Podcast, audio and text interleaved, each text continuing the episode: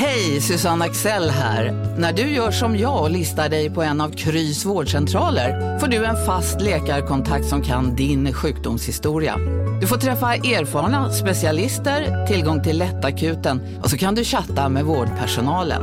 Så gör ditt viktigaste val idag, lista dig hos Kry.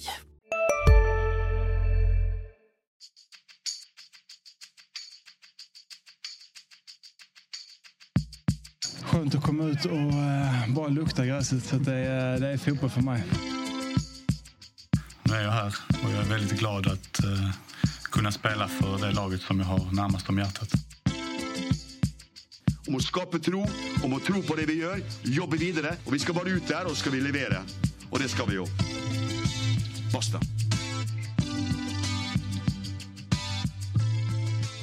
Välkomna tillbaka till MFF-podden. Det här är avsnitt nummer 220. Jag heter Fredrik Hedenskog. Jag har sällskap av Fredrik Lindstrand och Max Wiman.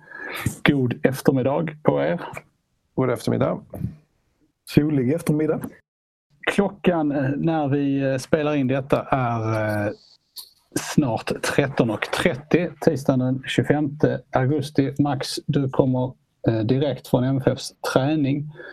Ehm, och då tänker jag att det är lika bra att börja i den änden, eh, det vill säga läget, transferläget. Det har ju hänt en hel del här i, under de senaste, ska vi säga, 48 timmarna.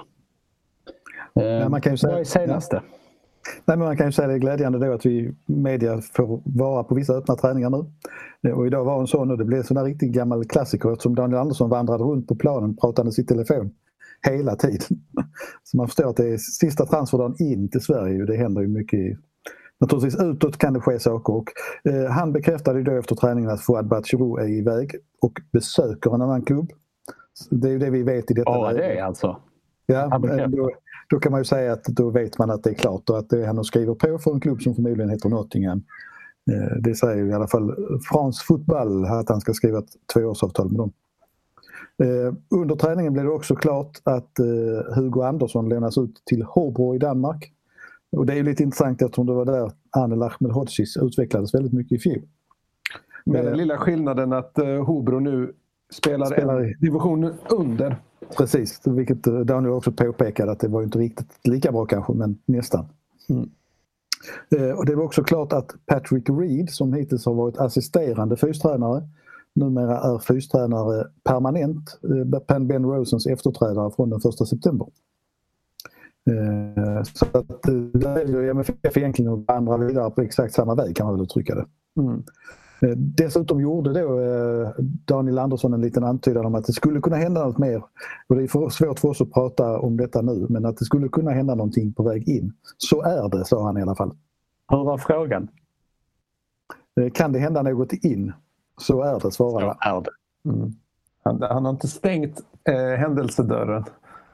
Nej. Så att när ni lyssnar på detta så kan det ha skett förändringar i detta eftersom det är sista, sista dagen. Också så att Romain Gall förmodligen lånas ut till Örebro. Eh, han har tydligen inte fått någon tid eller väldigt lite speltid i Stabäck. Eh, och man vill gå vidare då med en, en annan lösning. Eh, så där är mycket på gång kan man väl lugnt säga. Ska vi då dessutom prata om vad som, hur det såg ut på träningen så dök plötsligt Johan Dahlin upp under träningen och började köra lite på egen hand med Johnny Fedel. Eh, Ola Toivonen. Såg han eh, överansträngd ut i överkroppen?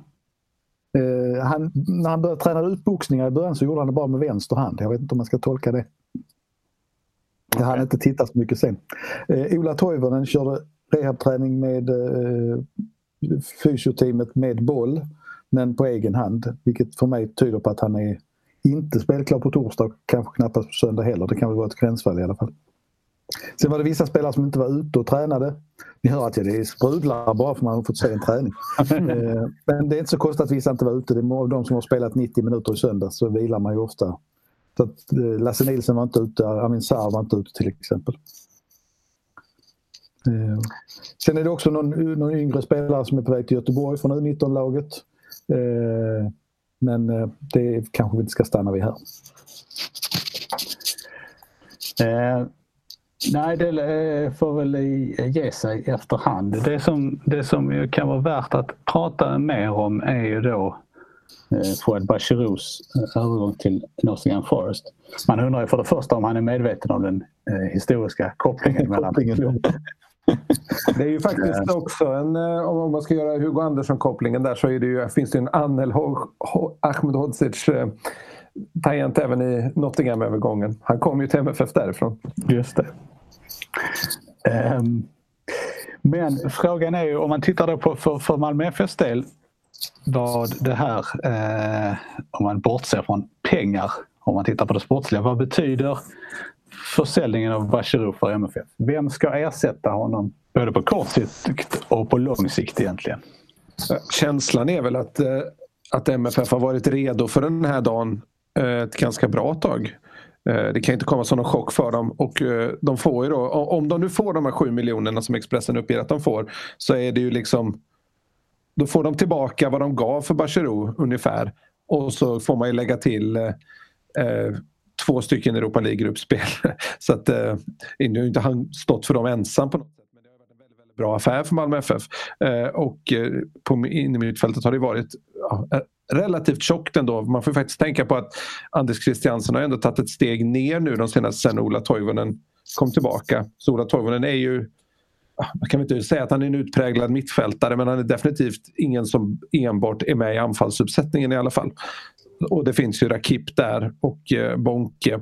Även om Bonke inte är någon Bacherou. Eh, och så Mojanic finns väl också där under. De har inte fått så många chanser i år, för att inte säga någon. Jag, det, min, min känsla är ju bara att ha sett de senaste matcherna att jag tror att Bachirou kommer saknas väldigt mycket i laget faktiskt. Mm. Han hade ju en väldigt dålig start på allsvenskan, skadad och sen så, ja, han slog bort så mycket passningar så det var helt makalöst. Men jag tycker att han har varit en väldigt avgörande ingrediens i de senaste matcherna och eh, ser inte riktigt någon spelare som kan motsvara alltså den här tryggheten i passningsspelet men med finess. Eh, alltså Oskar Lewicki är inte riktigt den spelaren även om han kan stundtals kan vara det. Erdal Rakip är mer en djupledsspelare. Mm. Så att, alltså Malmö kommer ju lösa det, det är ingen fara så. Men jag tror att det blir ett större avbräck än vad många tror.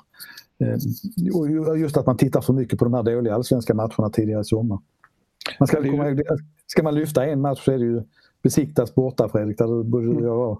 Där Batshirou var fullständigt magisk. Men han, han, han han är en väldigt duktig spelare sen måste jag säga att jag kommer sakna honom oerhört mycket i Malmö som människa. Han är en, en fantastisk personlighet eh, som liksom en, en lagspelare ut i fingerspetsarna om jag uttrycker mig så. Mm.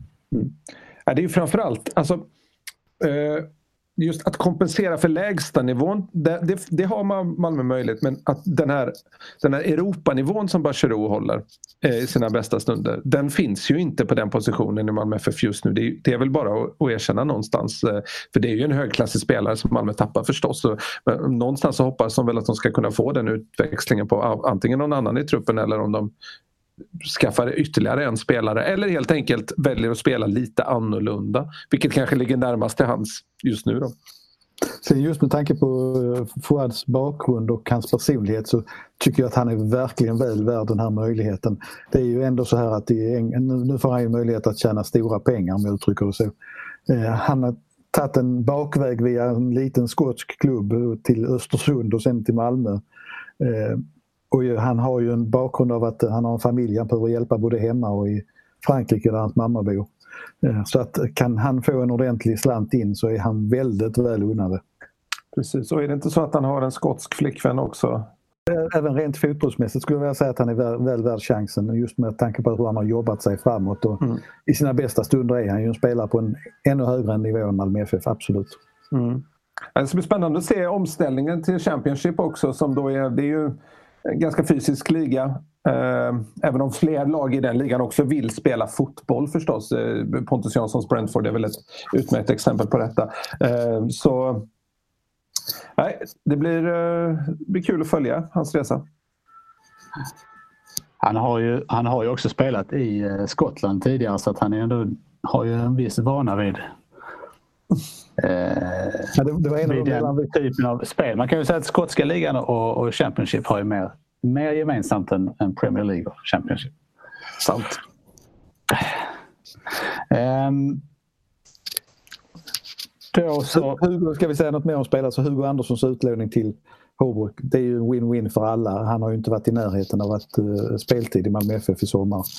Uh, och det är ju frågan liksom om han kan göra som andra och höja sig till den nivån eller han, han måste söka sig vidare sen. Det mm. känns lite grann som man kan få ett svar lite längre fram nu.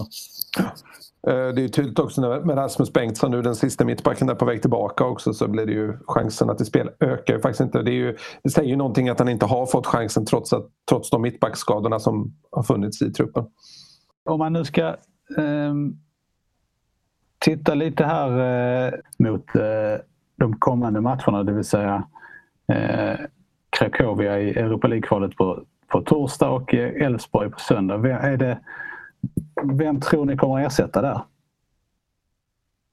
Eller är det olika spelare i, i de olika matcherna? kan ju vara olika spelare i olika matcher. Vi ska komma ihåg också att Bonke in och sen tränar inte för närvarande så han är ju skadad. Men Bonke är Bonke som Jundal Thomasson brukar säga. Eftersom han inte ens är ute på planen så är det lite svårt att säga att han skulle vara aktuell i alla fall på torsdag.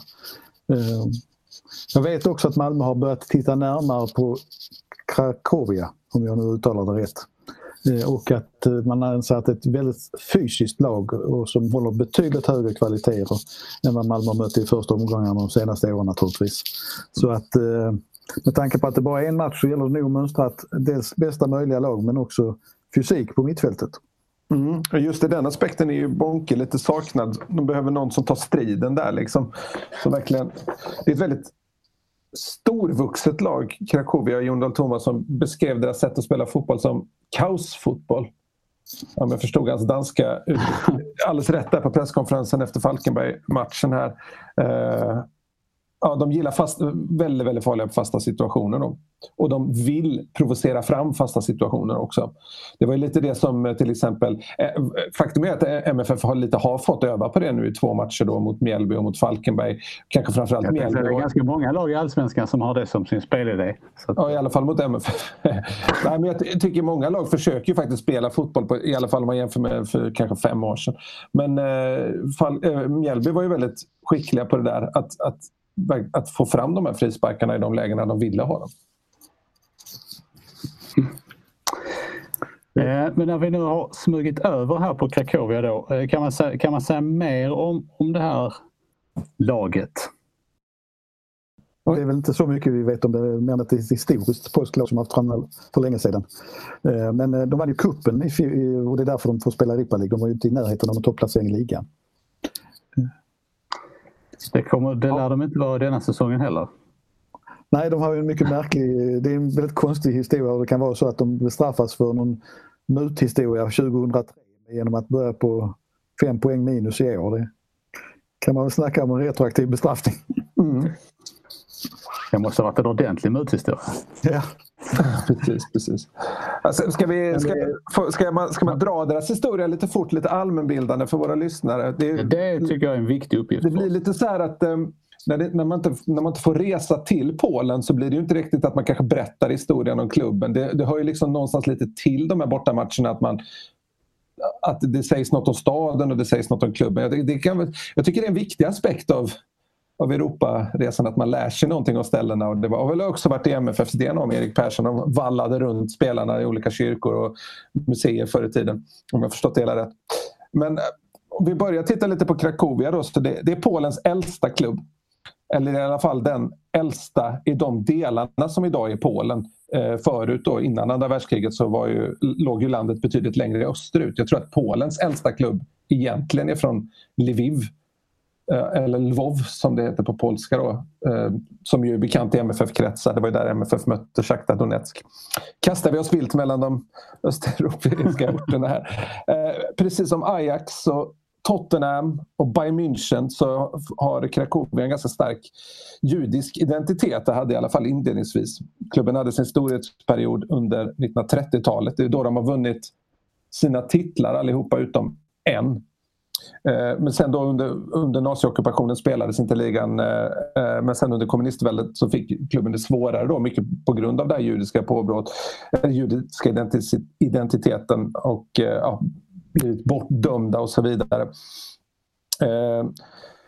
till, till, exempel som den rivaliteten som finns med Wisla Krakow. Som eh, stöd, de stödde någon slags klausul om att ställa ut alla icke-katolska klubbar ur polsk ligafotboll. Detta var på slutet på 30-talet. Och, eh, och Wisla var också där kommunisternas lag under under det kalla kriget och det föddes en enorm rivalitet mellan klubbarna idag som lever än idag då där derbyt kallas för eh, The Holy War. Vilket ju är, har en annan ton än Skånederbyt eller, eller El Vestico eller vad vi nu kallar dem i Sverige för någonting. Ehm, det kan vara ganska brutalt och fotboll, läktarkulturen i Polen kan också vara ganska brutal. Uh, haft stora problem med huliganism där nere. Ehm, lagens arenor ligger inte ens en kilometer från varandra. Om, man, Vissla är lite populärare i Krakow eftersom de har haft mer framgångar på, senare år. Men Krakowia ska vara mer välorganiserad och ha bättre skött eh, ekonomi nu på senaste. Så de har, rollerna är kanske, kanske lite på gång att skifta där. MFF har mött Krakowia en gång förut, 1923 på Malmö IP. Då vann MFF med 2-1. Då var Krakowia bland Europas bättre klubbar faktiskt. Men det var ett tag sedan. Det var det. Nu har de inte vunnit. I princip hundra år sedan. Ja, men precis. Eh, de är ja, som sagt i Europa League tack vare den här kupptiteln. Den första på 72 år som de vinner någonting. De har kvalat till Europa League Eh, 2016 och 2019 och åkt ut mot makedonskt och slovenskt motstånd redan i första rundan. Då. Dock täta matcher. Om man tittar något på deras eh, trupp så värvade de i somras den här tysk-spanska anfallaren Marcos Alvarez som har gjort U20-landskamper för Tyskland. Han gjorde 13 mål i Zweite Bundesliga förra säsongen i Åsnabrück tror jag det var. Och eh, han gjorde både mål och assist i, i, premiär, ligapremiären här för eh, Krakowia. Man får väl se som deras stora hot. Och sen har de också en uppmärksammad transfer där de har värvat Rivaldinho, son till legendaren Rivaldo eh, det var eh, väldigt mycket surr om, hans, om pappan där förstås. Men det är, han har en ganska skaplig karriär i rumänska klubbar inte minst. Spelade för George Hadjis rumänska klubbar innan han kom. Eh, gjort det ganska bra där ändå. Så det, det, det, finns ju spelare att se upp med, helt klart. Ja, ja. nu får ni prata om ni vill igen. Tack. Um, då är det ju så att, uh, som alla säkert känner till, att att kvalet avgörs i enkelmöten. Eh, men utöver det eh, och det faktum att det inte är någon publik på plats så är det också det är inte, de här Europamatcherna är inte som helt vanliga tillställningar, Max. Nej, det är mycket det, att tänka på. Det är väldigt mycket att tänka på. Det är alltså ett dokument på över 100 sidor som Uefa har ställt samman ner till väldigt detaljerat. Och det handlar ju dels om att alla spelare ska vara coronatestade innan de kommer till match, det vill säga Malmö har gjort sina tester igår här i stan medan eh, Krakowia då ska göra dem innan de åker iväg från Polen. Och det där har ju redan ställt till förvecklingar då på annat håll eftersom lag har haft sådana här intyg med sig att de har varit testade men ändå har visat sig smittade när de kommit fram till länder, i det här fallet bland annat Färöarna och Schweiz, eh, där man testar folk när de anländer. Så att det finns alltså redan nu ett par, tre VO-matcher för, av det skälet att, att lag har kommit och befunnits eh, smittbärande av corona. Nu har vi inget test i Sverige eh, för inresande. Men däremot så kommer då spelarna att eh, man tar tempen på dem när de kommer till matcharenan både vid träning och match. Och det kan ju ge indikationer. Skulle någon ha feber så blir det naturligtvis stopp för den spelaren och det kan bli ytterligare tester då. Så det är väldigt mycket runt omkring lagen och eh, Krakowia har ju mycket rekommendationer i det fallet från Uefa hur de bör åka chartrat hit, eh, bör äta i separat rum på hotellet där det inte finns någon personal och så vidare. Och på stadion är det då ännu mer strikt. Det kommer att vara ännu mindre media på matchen. Eh, bollkallarna får inte röra sig hur som helst. Stadion är indelat i zoner. Alla måste bära munskydd utom Eh, huvudtränare och eh, spelarna naturligtvis då och spelarna när de värmer upp och domarteamet eh, på planen. Så att eh, det blir lite mer av Europa verkligen som kommer till Malmö med helt andra förutsättningar. Det kommer säkert att påverka eh, Malmö FF en del skulle jag tro. Eh, mer eftersom de andra lagen är vana vid att det är mer rigoröst. För vad jag förstår så innebär det till exempel att om MFF har en samling, vilket man brukar ha någonstans mitt på dagen och sedan tar sig gemensamt till, till stadion så måste de bära munskydd på vägen dit. Mm. Sen är det ju det rent sportsliga med enkelmöten som naturligtvis också kommer att påverka mm, både matchbild och eh, uppträdande av spelare kan man misstänka. För Det är ju en helt annan nerv när man bara har en match på sig. Och som sagt, detta motståndet är ju en helt annan kaliber än när vi pratar Dritta och eh, mm. Balimena. Det, det, är liksom inte, det är inte samma verklighet. När man tittade på Champions League-slutspelet nu så jag måste säga att jag uppskattade det här med enkelmöten. Jag tyckte att det gav en helt annan fart i matcherna. Eh, det blev mer spännande. Och, ja, Uefa-basen har ju till och med uttryckt att han kan tänka sig en fortsättning med enkelmöten. Men jag misstänker att det kommer att bli ram, ekonomiska ramaskri ute i klubbarna. Ja, det, finns, det finns ju en del tv-matcher man går miste om då. Ja, hälften av dem helt enkelt. Nästan. Inte riktigt med tanke på finalen är ju fortfarande ett enkelmöte. Men eh, jag tycker det, varit, jag tycker det varit nästan lite för mycket prat om det här med att det är, att det är så mycket lotteri. Eh, Tomasson tog upp inför. Och, ja, andra har tagit upp det innan också. Jag, jag, köper inte riktigt det argumentet. Eh, det är såklart annorlunda men jag vet inte om man kan säga att det är ett lotteri. För är VM ett lotteri? Är EM ett lotteri? Var Bayern Münchens seger i Champions League nu också frukten av ett lotteri? Jag tror man, man får liksom akta sig lite för den typen av, eh, av sägningar för det är lätt att de blir en sanning och att, och att man börjar tänka att att ja, vi har alltid den eh, säkerhetslinan och, och liksom, så att säga inom citationstecken skylla på då för man skulle åka ur. Det, det, är ju fortfarande en fotbollsmatch i 90 minuter. Det är egentligen inget konstigt. Det, det, det är ju det är skickligheten som avgör, inte tur. Det, det enda som har varit tursamt är ju att få hemmaplansfördel för det har ju verkligen varit en 50-50 lott. Och där hade ju MFF turen på sin sida. Nej, men det är väl just det här att reparera möjligheten.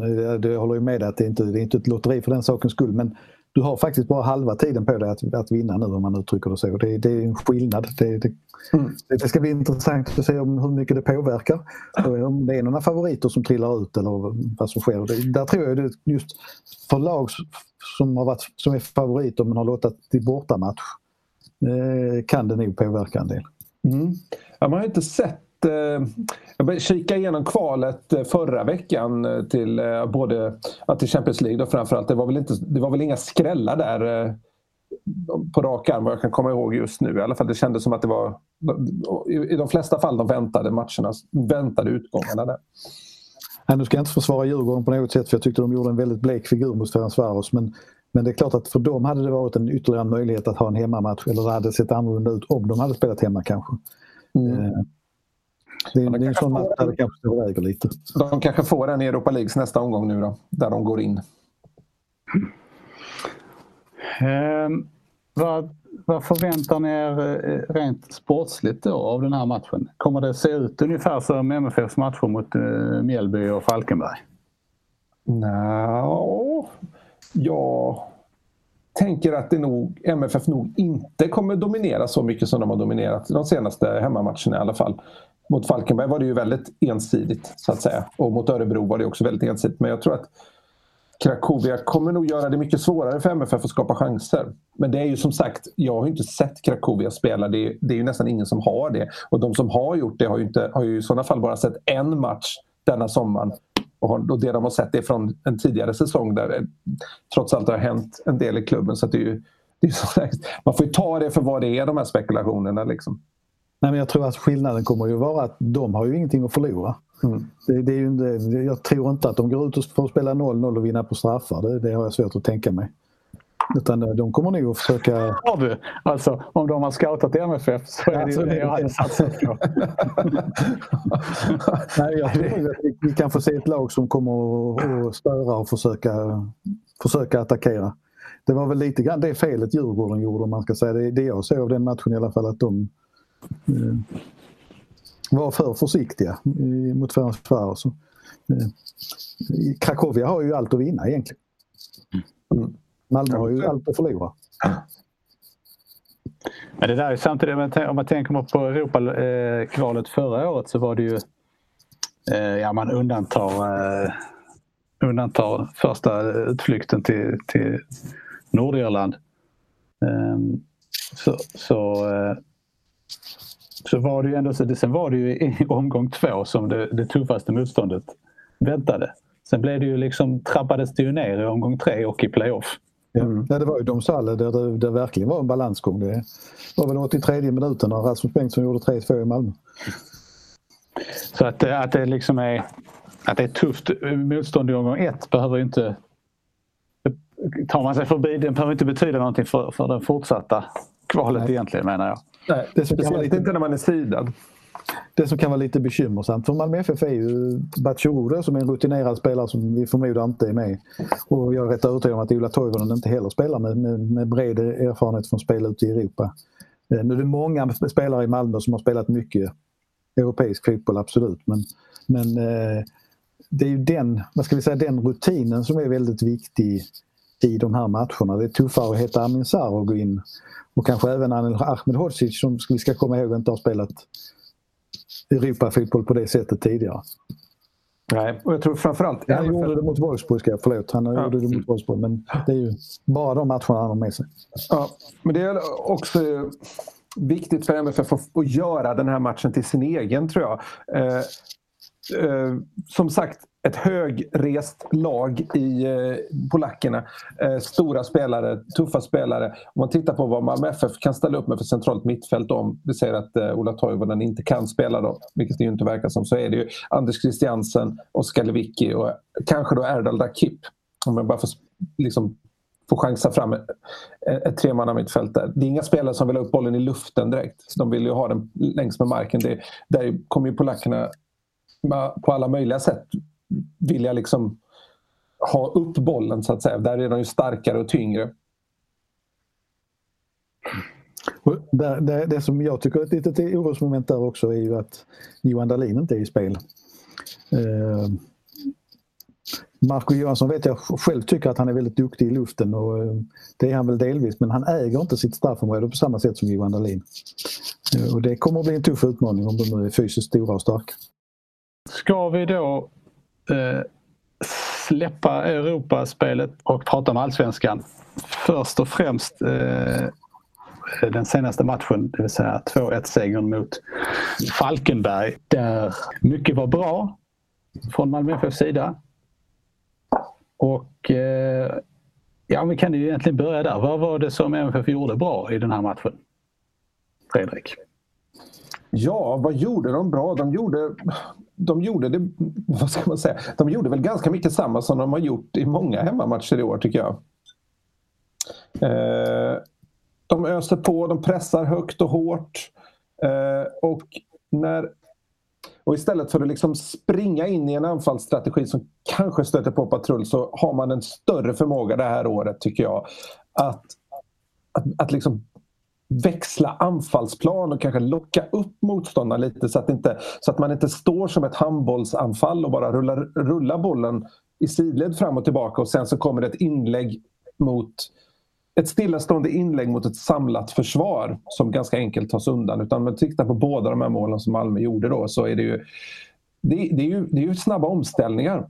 Och där ska faktiskt Marco Johansson ha cred. Det tycker inte jag han fått riktigt tillräckligt mycket för eh, Malmö FFs 2-0 mål. En oerhört påpasslig utkast från Marco Johansson som sitter på läppen på Anders Christiansson i mittcirkeln som direkt kan sätta den vidare till Amin Sarr och som får Isak Kiese till bollen då och så är det mål.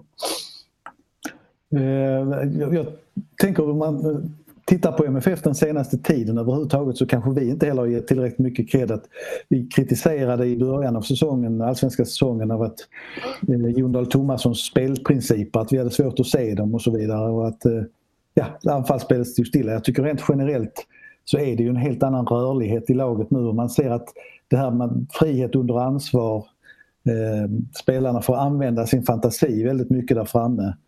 Eh, och eh, alltså på något sätt så matchen mot Falkenberg det borde blivit 4-0 det är kanske lite otur. Två stolpe insida och en ribbträff och eh, målvakt som gör någon bra räddning. Det, det, det, här var ju en match som de dominerade väldigt, väldigt kraftigt egentligen. Mm.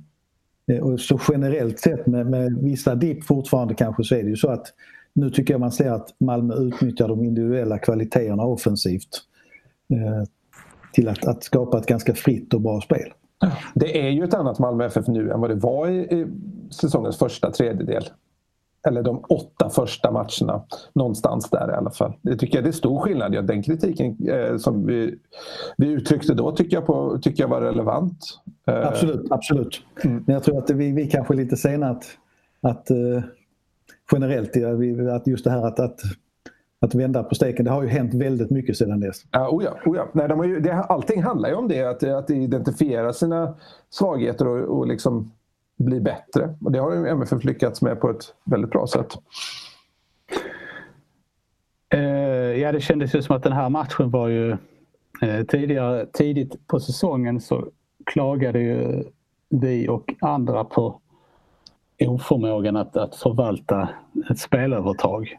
Um, det blev det ju bara ett måls seger och lite spännande till slut trots allt i den här matchen. Men det känns ändå inte som att det var den sortens... Alltså som Max sa, de hade eh, ett ribbskott, en stolpe-stolpe.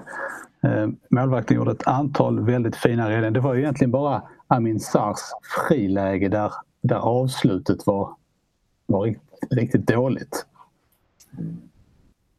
Mm. Ja, men precis. Det, det, det innebär också... Vi är specialister på det vi gör, precis som du. Därför försäkrar vi på Swedea bara småföretag, som ditt. För oss är små företag alltid större än stora och vår företagsförsäkring anpassar sig helt efter firmans förutsättningar. Gå in på swedea.se företag och jämför själv. Hej, Synoptik här. Hos oss får du hjälp med att ta hand om din ögonhälsa. Med vår synundersökning kan vi upptäcka både synförändringar och tecken på vanliga ögonsjukdomar. Boka tid på synoptik.se. Så att Malmö skapade mer, hade mer avslut på mål eh, än vad, vi, vad de har haft tidigare. Och det har ju varit ett bekymmer att de inte har träffat målet. Men eh, det känns som att det, de, de, det är mer fantasi. Det enda jag tycker brister fortfarande det är inläggsspelet som är, jag tycker är slarvet och eh, lite chansartat fortfarande. Det är... hade en liten period där de gick ner i tempo lite grann också. Det är såklart svårt att hålla det där höga tempot när motståndarna gör det svårt. Men eh, vad ska man säga, det var en period mitt i första halvlek. Då, det, det liksom, de föll ner i lite gamla synder och, så där, och det blev lite för mycket att man spelade runt bollen bara. Ville liksom, alla ville känna lite på den och stå och titta. Kan man hitta en väg in? Och så blir det lite för lättläst och sådär. Det kändes ju också, om man ska hitta eh, förbättringspotential, eh, som att man stundtals hade lite svårt med, med uppspelen. Det var väl kanske under samma period där i första halvlek.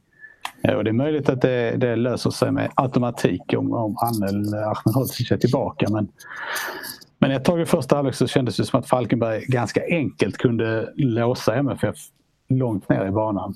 Mm. Alltså, Malmö fick ju visst beröm. Jag tycker det kändes osäkert med Nilsson och Brorsson tillsammans där bak. Jag är inte riktigt trygg med det. Jag ställer mig lite frågande mot bättre motstånd och det går där. Eh, så, kan han komma upp i den kvaliteten han visade, har visat tidigare i sommar så är det jätteviktigt. Um, Sen tror jag det skulle vara otroligt viktigt om Rasmus Beng Idag tränar han hela träningen i alla fall men det är väl lång väg fortfarande kanske. Ser du eh, Fredrik, typ, om, om vi nu liksom tar, om man jämför MFF där MFF är nu och eh, MFF i början av säsongen. Vad, vad, är, det som, vad är det som finns kvar att utveckla framför allt? Allting kan ju alltid bli bättre. Ja, men, det, men, men, det, men det är, är speciellt... Äh, Alltså, enskilt moment är det ju ofta att döda matcherna tycker jag. Det är det stora. Liksom. Det är fortfarande väldigt mycket uddamålssegrar. Okej, det har varit en period där som hade varit stora segrar men det har ju ändå Örebro uddamålet. Falkenberg borta uddamålet. Speciell match med utvisning i och för sig. Falkenberg hemma uddamålet.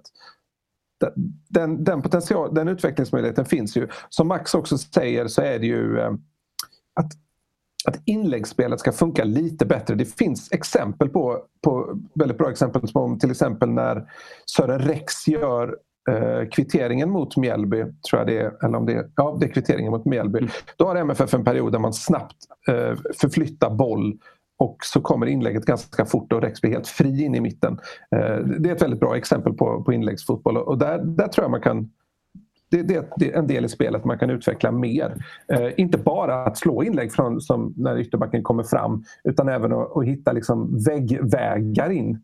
Eh, där är ju till exempel, eh, om man nu ska ta en för, föregångare och den allra bästa som finns, då kanske Bayern München en väldig inspirationskälla för hur, hur ytterbackar kan röra sig. Om man tittar på Joshua Kimmich då, som har haft ett fantastiskt Champions League-slutspel. Eh, där han tar sig runt på kanten och han även hittar in i mitten. Och, ja, en ytterback kan vara oerhört nyttig för anfallsspelet, inte bara som liksom inläggsläggare. Uh, vi fick ju i matchen mot Falkenberg också se uh, Felix Beijmos återkomst i MFF-tröjan. Lite snudd på övertänd kan man säga. Kan man nog säga. Va? Han kunde mycket väl blivit utvisad. Ja. Han uh, fick ju i alla fall en en varning det första han gjorde.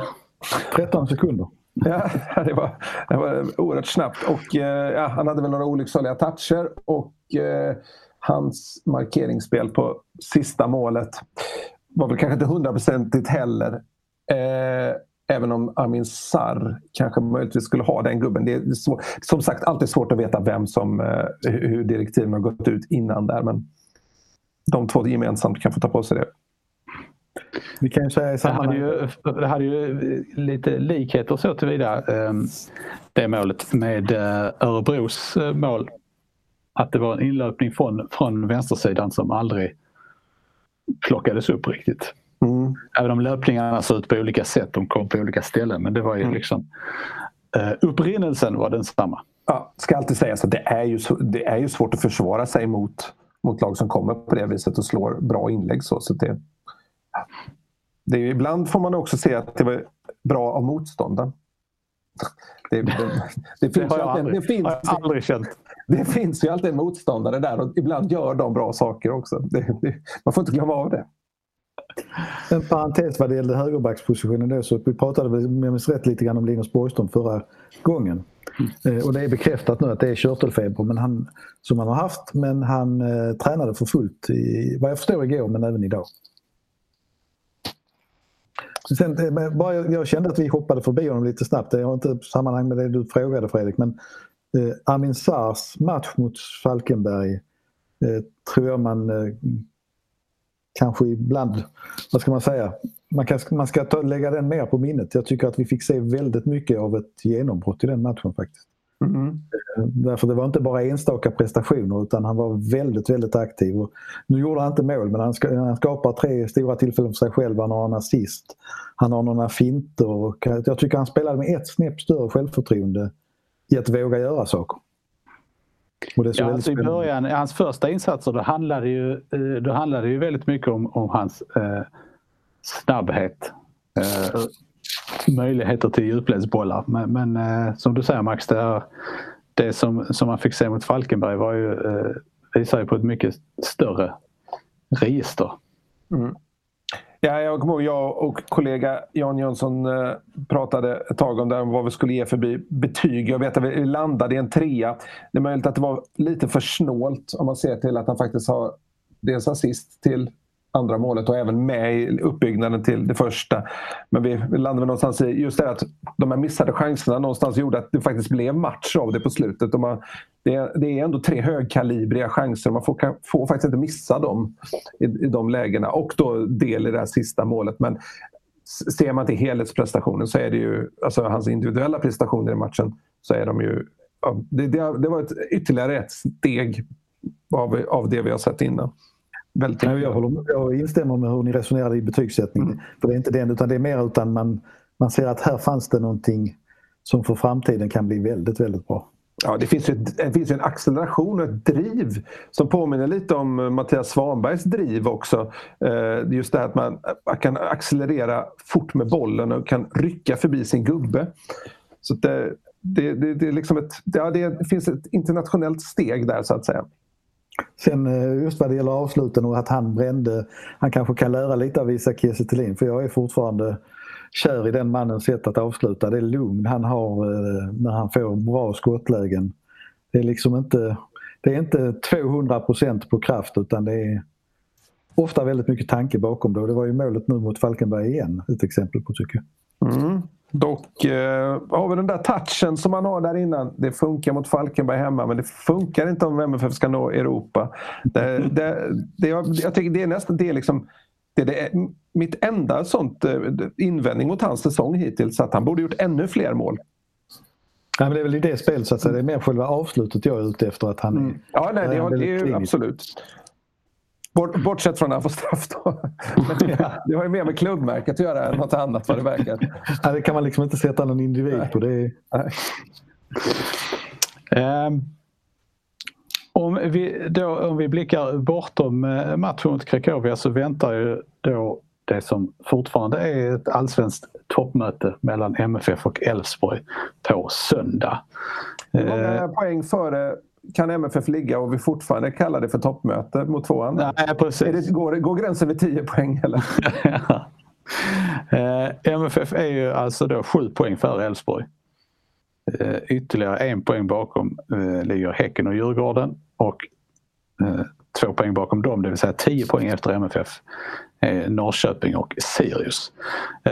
finns det, vi, vi pratade ju senast om, om vilken som, som var MFFs huvudkonkurrent i, i den här titeljakten. Eh, då vill jag skruva lite på den frågan och eh, ställa om den nu en omgång senare. Finns det överhuvudtaget någon konkurrent? ja, det gör det ju så länge det inte är avgjort. Eh, framförallt så säger jag väl det klassiska igen, MFF själva. Nej, men det har vi tjatat om. Men eh, just nu får man väl se Elfsborg som den, som den vassaste konkurrenten för det kan ju faktiskt vara fyra poäng på söndag kväll som skiljer dem emellan. Däremot de här lagen som är uppe i 10 poäng efter nu. Jag tror aldrig det har historiskt hänt att man har tagit in så många poäng på så pass få matcher som återstår. Ehm, eller aldrig, men inte i alla fall i modernare tid. Eh, så att eh, det blir ju färre och färre lag. Jag skulle vilja säga att det är Elfsborg, Djurgården och möjligtvis Häcken som skulle kunna... Norrköping vill jag nog räkna bort nu. Ja. Mm. Nej, jag var ganska tidigt ute och deklarerade den här serien som men, äh, men det finns liksom... Det är väl just det för att, jag, kanske inte just för att MFF har imponerat sådär.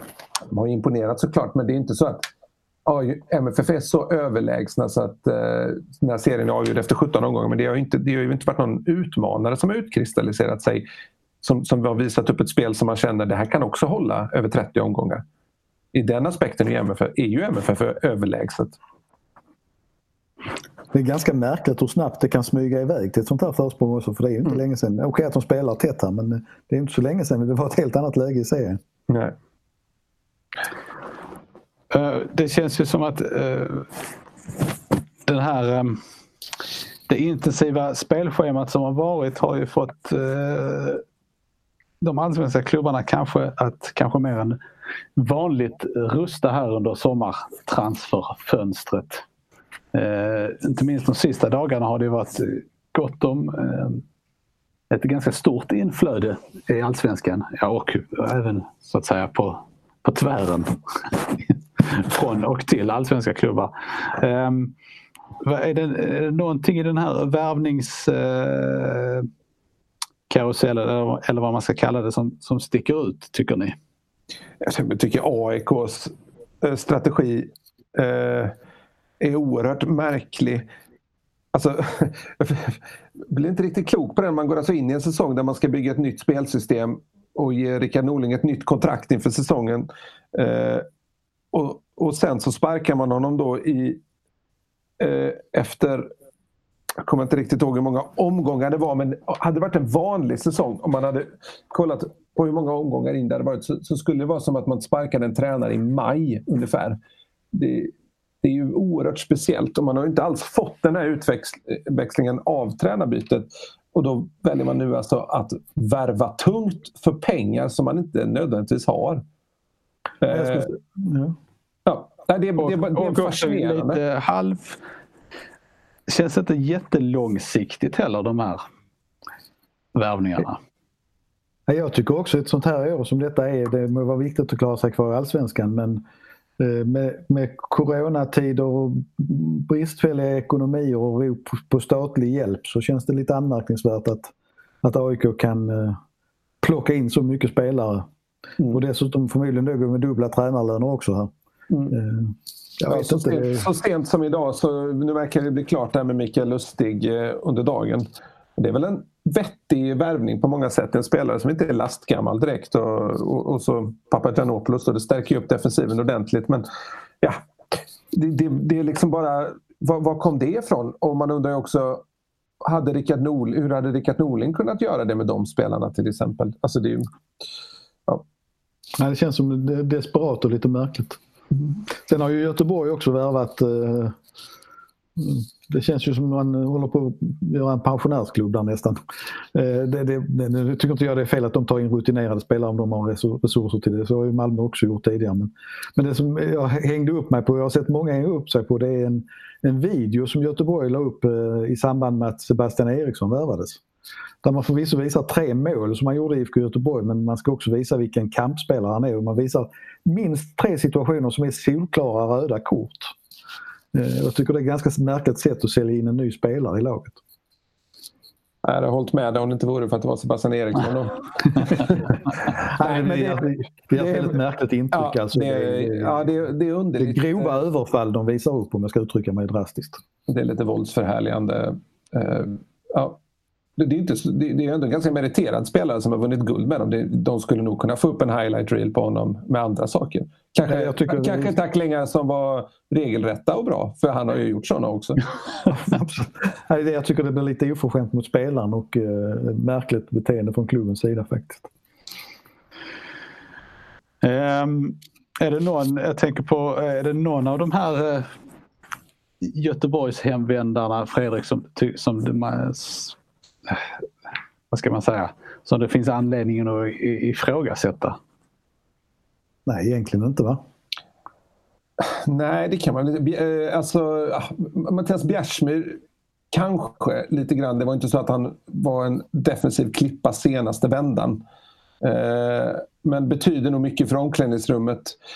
Den här gången ska han vara annorlunda men jag har förstått det som att han eh, kanske inte var topp toppen i den aspekten senaste vändan heller. Men det ska tydligen vara en annan spelare nu som jobbar väldigt mycket med de yngre. Så att, ja, det, det, är svårt, man har inte den insikten i IFK Göteborg heller eh, just nu. Men Pontus Wernbloom känns ju som en klockren värvning för dem. Det är ju precis vad de behöver.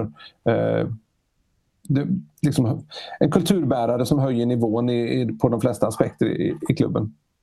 Skulle man kunna tänka sig eh, eller jag, jag formulerar om det här. Jag skulle varit lite orolig för att det är lite för många eh, på en gång.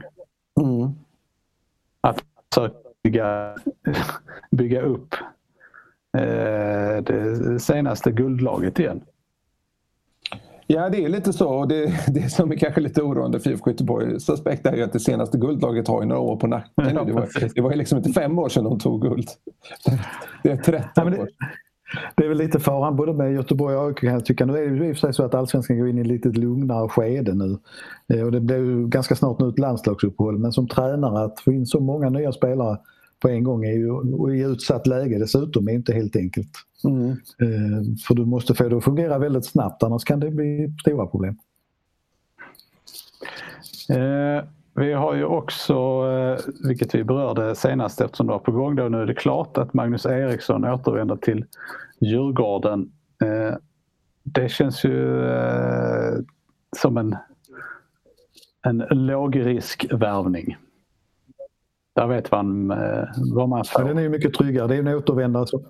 Han, han är ju en bra ålder. Och, ja, jag är helt övertygad om att han kommer kunna göra det bra i Djurgården. Och det är ju en spelare in också. Det förändrar liksom inte hela bilden om man uttrycker det så. Eh, är det några andra eh, av de övergångar som har skett som, som är värda att eh, prata om tycker du Fredrik? Eh, nej. Nej. Det är det faktiskt. Jag kan inte komma på någon sån där som har... Alltså det är klart att bottenklubbarna stärker lite å sin sida men för, för att Elfsborg skulle kännas verkligen med i den här guldjakten så man kanske vill ta någon sån liten ja, ett rejält namn in där också som andades lite andades lite guldambitioner så men det har inte rikt, riktigt det. Eh, det är väl intressant att Hammarby har signat upp Mohamed Tankovic då. Eh, och det säger väl någonting om, om fotbollsverkligheten just nu att, att även om man har gjort sig ett namn på att vinna allsvenska poängligan och så, så är det inte givet att man kan hitta ett bra alternativ utomlands för det. Det säger också lite om hans eh, 2020. Det gör det också. Intressant i allsvenskan är ju att Ågbo verkar stanna kvar i Mjällby. Det var väl flera som var intresserade av honom vad jag förstår. Han kan väl i och för sig försvinna utomlands men, men eh, han betyder väldigt mycket för Mjällby och han hade säkert kunnat göra nytta i många andra allsvenska lag också.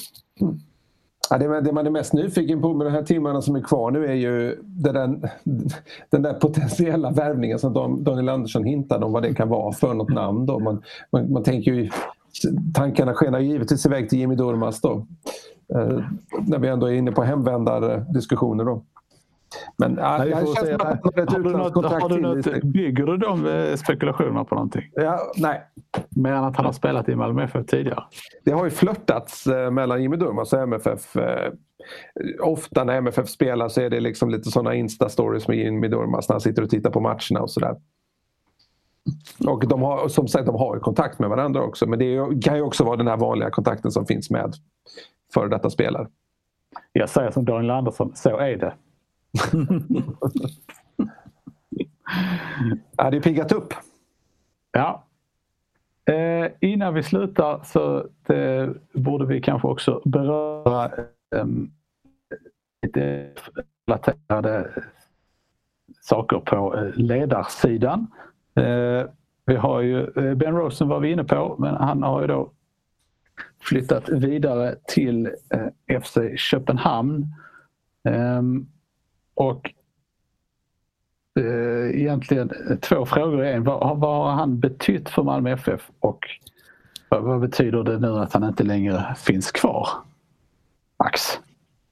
Nej, jag tror han har betytt jättemycket. Han har ju varit, eh, man ska komma ihåg att han har varit i klubben i sex och ett halvt år med fem olika huvudtränare om jag räknar rätt. Eh, så att han, han, han, han är ung och entusiastisk och har infört mycket nya idéer tror jag. Eh, och också varit väldigt flexibel. Jag menar, alltså skillnaden att vara fystränare under Magnus Persson och Ove Rössler över en natt det är liksom två skilda världar men han har ändå anpassat det väldigt väl och verkar ha spelarnas röst. Man har aldrig hört något, någonting kritiskt eller negativt egentligen. Eh, och då tror jag det är fortsättningen om man tittar framåt som jag kanske var inne på innan så Patrick Reed som då tar över det eh, är ju ingen vi har haft intervjukontakt med på det sättet. Men han ska inte han... förväxlas med den amerikanska golfspelaren med samma namn. men eh, han är ju stöpt i Ben Rosens anda så att, eh, det innebär säkert att det kommer att vara ganska sig likt i Malmö FF för man har ju god erfarenhet av fystränare. Så hade man velat ha någon ny impuls så kanske man skulle bytt helt men det tyder bara på att man är väldigt nöjd med hur det är. Mm. Eh, det som också har, eh, det har inte hänt än, men eh, det sägs ju att Andreas Georgsson, tidigare assisterande tränare i MFF, är på väg att flytta eh, i London från eh, Pontus Janssons Brentford till eh, den väsentligt eh, större eh, entiteten Arsenal han kommer väl eh, kanske inte att få... Eh, jag tänker att han kommer kanske att befinna sig lite längre ner i hierark hierarkin i Arsenal än vad han har gjort i Brentford. Men, men ändå. Intressant. Ja, att bara kunna sätta det på sitt CV är ju, är ju mäktigt och betyder enormt mycket. Man får ju se vilken raketkarriär han har haft de senaste åren. Det, här är ju, det har inte ens gått tre år sedan han blev eh, uppflyttad till Malmö FFs A-lag med, med inriktningen, om jag inte minns helt fel, att han skulle vara, fungera som en länk mellan ungdomsleden och A-laget. Då. Så det, det, var liksom inte, det var kanske inte den tyngsta rollen på bänken han ens hade. Och sen har det gått väldigt, väldigt fort för honom. Jag tror det är ett lite svårt val där kanske från att eh, den sportliga framgången och ha en central roll i Brentford. Men sen är det ju klart helt andra pengar och ett helt annat förhållande att hamna i en en klubb som Arsenal så det är svårt att tacka nej till det men jag tror också han har lite svårt känslomässigt att lämna Brentford faktiskt. Mm. Men det, eh, när uppgifterna verkar ju ganska tydliga i England så det är väl troligt att han hamnar där. Jag tror också det är så här att kallar Arsenal så kommer man. Man, ja, man, man tackar inte nej till det. Nej, för det kan, man, det kan kosta i framtiden det också. Mm. Sista punkten på agendan är eh, det besked som eh, regeringen kom med i slutet på förra veckan. Det vill säga att man förbereder ett förslag eh, där man kan tillåta publik på evenemang från 1 oktober. Eh, det är ju...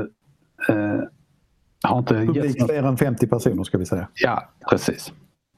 Men publik mindre än 50 personer är knappt en publik. Det är mer än ett sällskap. Eh, det har inte sagts mer än så. Eh, Folkhälsomyndigheten ska titta mer på detta. Eh, vad, vad skulle ni vilja se komma ut av detta? Vad är rimligt? Usch, det, här, det här är en jättesvår fråga. Ehm, jag tycker för det första att idrotten ska vara oerhört ödmjuk och försiktig i sina önskemål. Personligen så hade jag nog tyckt att man kunde hålla på den här 50-gränsen året ut för att inte hamna i tvetydigheter. För vi ska komma ihåg att det här berör inte bara fotbollen utan det kommer beröra inomhusidrotter också framöver. Ehm, men om vi nu räknar med det, som, som är sagt så, så är det alltså två meters avstånd så innebär det att eh, det är ganska många stolar som ska lämnas tomma. Så jag tror att idrotten måste vara medveten om att det är betydligt mindre tal än vad man kanske har drömt om som kan komma in. Men det, det är väldigt svårt att säga nu eftersom inte... Men är, är, är man bestämd i två meters regeln på alla håll och kanter så, så är det inte kanske bara ett par tusen på Provo stadion här i Malmö. Det rör sig inte direkt om någon eh, vinstverksamhet utan det är ju nästan tvärtom. Ja. Och det är det egentligen som jag det kostar, tycker är så... alltså, som sagt, det kostar ju att, att ha folk på plats som ska se till att allt fungerar och så vidare. Och det är därför jag har lite svårt att förstå fotbollens rätt aggressiva inställning till att få in mer publik nu. Eh, För det kan ju inte ha ekonomiska skäl eftersom även i de mindre klubbarna kommer de här platserna att gå till årskortsinnehavare i stora drag. Jag har svårt att säga att det är stora pengar. Eh, Det, jag tycker är direkt tråkigt det var jämförelserna med att Eh, får man vara så många på Ullared och badstranden så varför får man inte vara så många i fotbollen? På något sätt så ett fel ska ju inte legitimera att man öppnar för andra fel. Jag tycker bara det viktigaste är att man gör det som är absolut rätt så att vi kan vara så friska och hela som möjligt i det här landet och komma över pandemin. Det tycker jag är prio ett och jag tycker att andra förklaringar blir lite konstiga mellan varven om jag ska vara ärlig. Eh, AIK tog ju ett, eh, ett beslut som är principiellt ganska intressant där man har sagt att, att oavsett vilket kör man vidare utan publik. Eh, Jag har, inte alla- hört om, jag har inte hört om de har, står fast för det nu efter. Jo, det gjorde de. Nu även efter eh, Ja, det ja. Det kanske Ja. hänger ihop med eh, de sportsliga resultaten. Men, men det är ju ändå ganska... Det är ju ändå ganska Du menar att de inte kan få, ändå inte kan få ihop så många som Nej, men jag tänker att de kanske inte vill ha dit massa människor som är arga. Nej, precis. Nej, men det, finns, det finns så många bottnar i detta. Det, det, vi får väl se var AIK landar i. Då. Framförallt får vi se var allting... Var, var står vi i status om en månad och, och vad, vad kommer att bli det slutliga beslutet. Man har ju släppt på publik lokalt då upp till 50 personer. Eh, och det kan jag ju känna utan att, ha- jag, tror, jag vet inte om vi har pratat om det tidigare, men att utan att ha varit ute på någon av de här arenorna så kan det ju kännas väldigt svajigt hur man löser det och om man verkligen viftar bort de tio följande eller hur, hur det ser ut. Jag kan väl inte säga att jag riktigt litar på klubbarna där men för att koppla ihop det med Malmö FF så är det faktiskt så att det är just idag när vi spelar in detta så har Malmö FF släppt 50 biljetter till sina hemmamatcher, respektive hemmamatcher i damernas division 4 och de tog slut på fyra minuter. Det var alltså gratisbiljetter som gick till årskortsinnehavare som hann först om jag uttrycker det så. Så att eh, på damsidan kommer det att vara lite publik eh, eh på de kommande matcherna. Om de nu spelas och motståndarna ställer upp. Eh, det senaste budet är ju nu att det blir premiär för MFF Dam i division 4 mot Klågerup i helgen. Och det är det Klågerups hemmamatch så då har ju inte Malmö tillgång till några biljetter men Klågerup har utlovat eh, tidigare att man ska sända den via Facebook om jag förstått hela rätt. Mm. Eh, där är det ju, ja alltså eh, de får ju lägga på ett kol där för det känns ju som att vissa lag i den serien har ju snart spelat eh, hälften av sina matcher. Jo, enligt programmet så ska ju Malmö spela fyra matcher på nio dagar här inom kort. Men, men det gäller ju att det verkligen eh, lagen anser sig ha folk att möta dem. Det, det, det, det har blivit en väldigt konstig serie där. Mm. Med respekt för alla inblandade för det, det, är inte lätt på den nivån och Malmö är ju på en annan nivå egentligen och har en trupp som hade räckt till två lag om de hade velat. Men eh, det är klart att det hade varit någonstans kul om det blev en serie och att de fick spela hela serien klart. Och då är det faktiskt så, utan att dra några växlar på det, men eh, den sista seriematchen för damerna ligger den 3 oktober på Eleda stadion. Så teoretiskt skulle det faktiskt kunna bli en match inför större publik. Men med en massa frågetecken kring eftersom det är en lokal match och den då inte innefattas av elitfotbollsreglerna om att släppa in en större publik. Men Malmö skulle ju ha kapaciteten och möjligheten kanske att bygga upp en organisation som skulle kunna lösa det. Vi får väl se. Mm. Då skulle jag bara innan vi slutar vilja avkräva er ett tips eh, vad gäller matchen mellan Malmö FF och Krakowia. Hur kommer det att gå? 2-1 till MFF efter förlängning. Ja, vad ska man tippa? Den tog du mig på sängen. Jag har inte riktigt tänkt i de banorna. Jag tror också att det blir väldigt tufft. 1-1 eh, och avgörande på straffar. Okej. Okay. Så lämnar, och så lämnar jag det fritt efter det. Ja. Nej, men mest för att markera att jag tror det här blir mycket tuffare än vad många tror. Ja. Sen har jag haft fel förr i det avseendet. Men... Ja, vi får se. Mm. Du då? Jag, nej, jag tror att det blir 2-0. Till Malmö. Till Krakowia? Nej.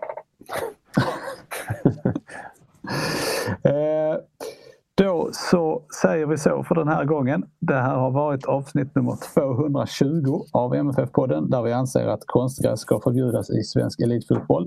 Jag heter Fredrik Hedenskog. Jag har haft sällskap av Fredrik Lindstrand och Max Wiman och ansvarig utgivare är Jonas Kanje. Tack för oss. Hej hej! Tack och hej! Hej hej!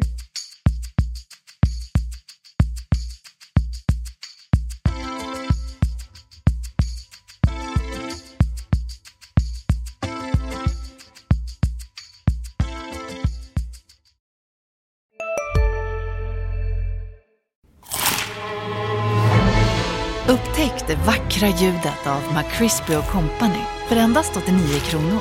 En riktigt krispig upplevelse. För ett ännu godare McDonalds. Ska några små tassar flytta in hos dig? Hos Trygg Hansa får din valp eller kattunge 25% rabatt på försäkringen första året. Läs mer och teckna djurförsäkringen på trygghansa.se. Trygg Hansa, trygghet för livet.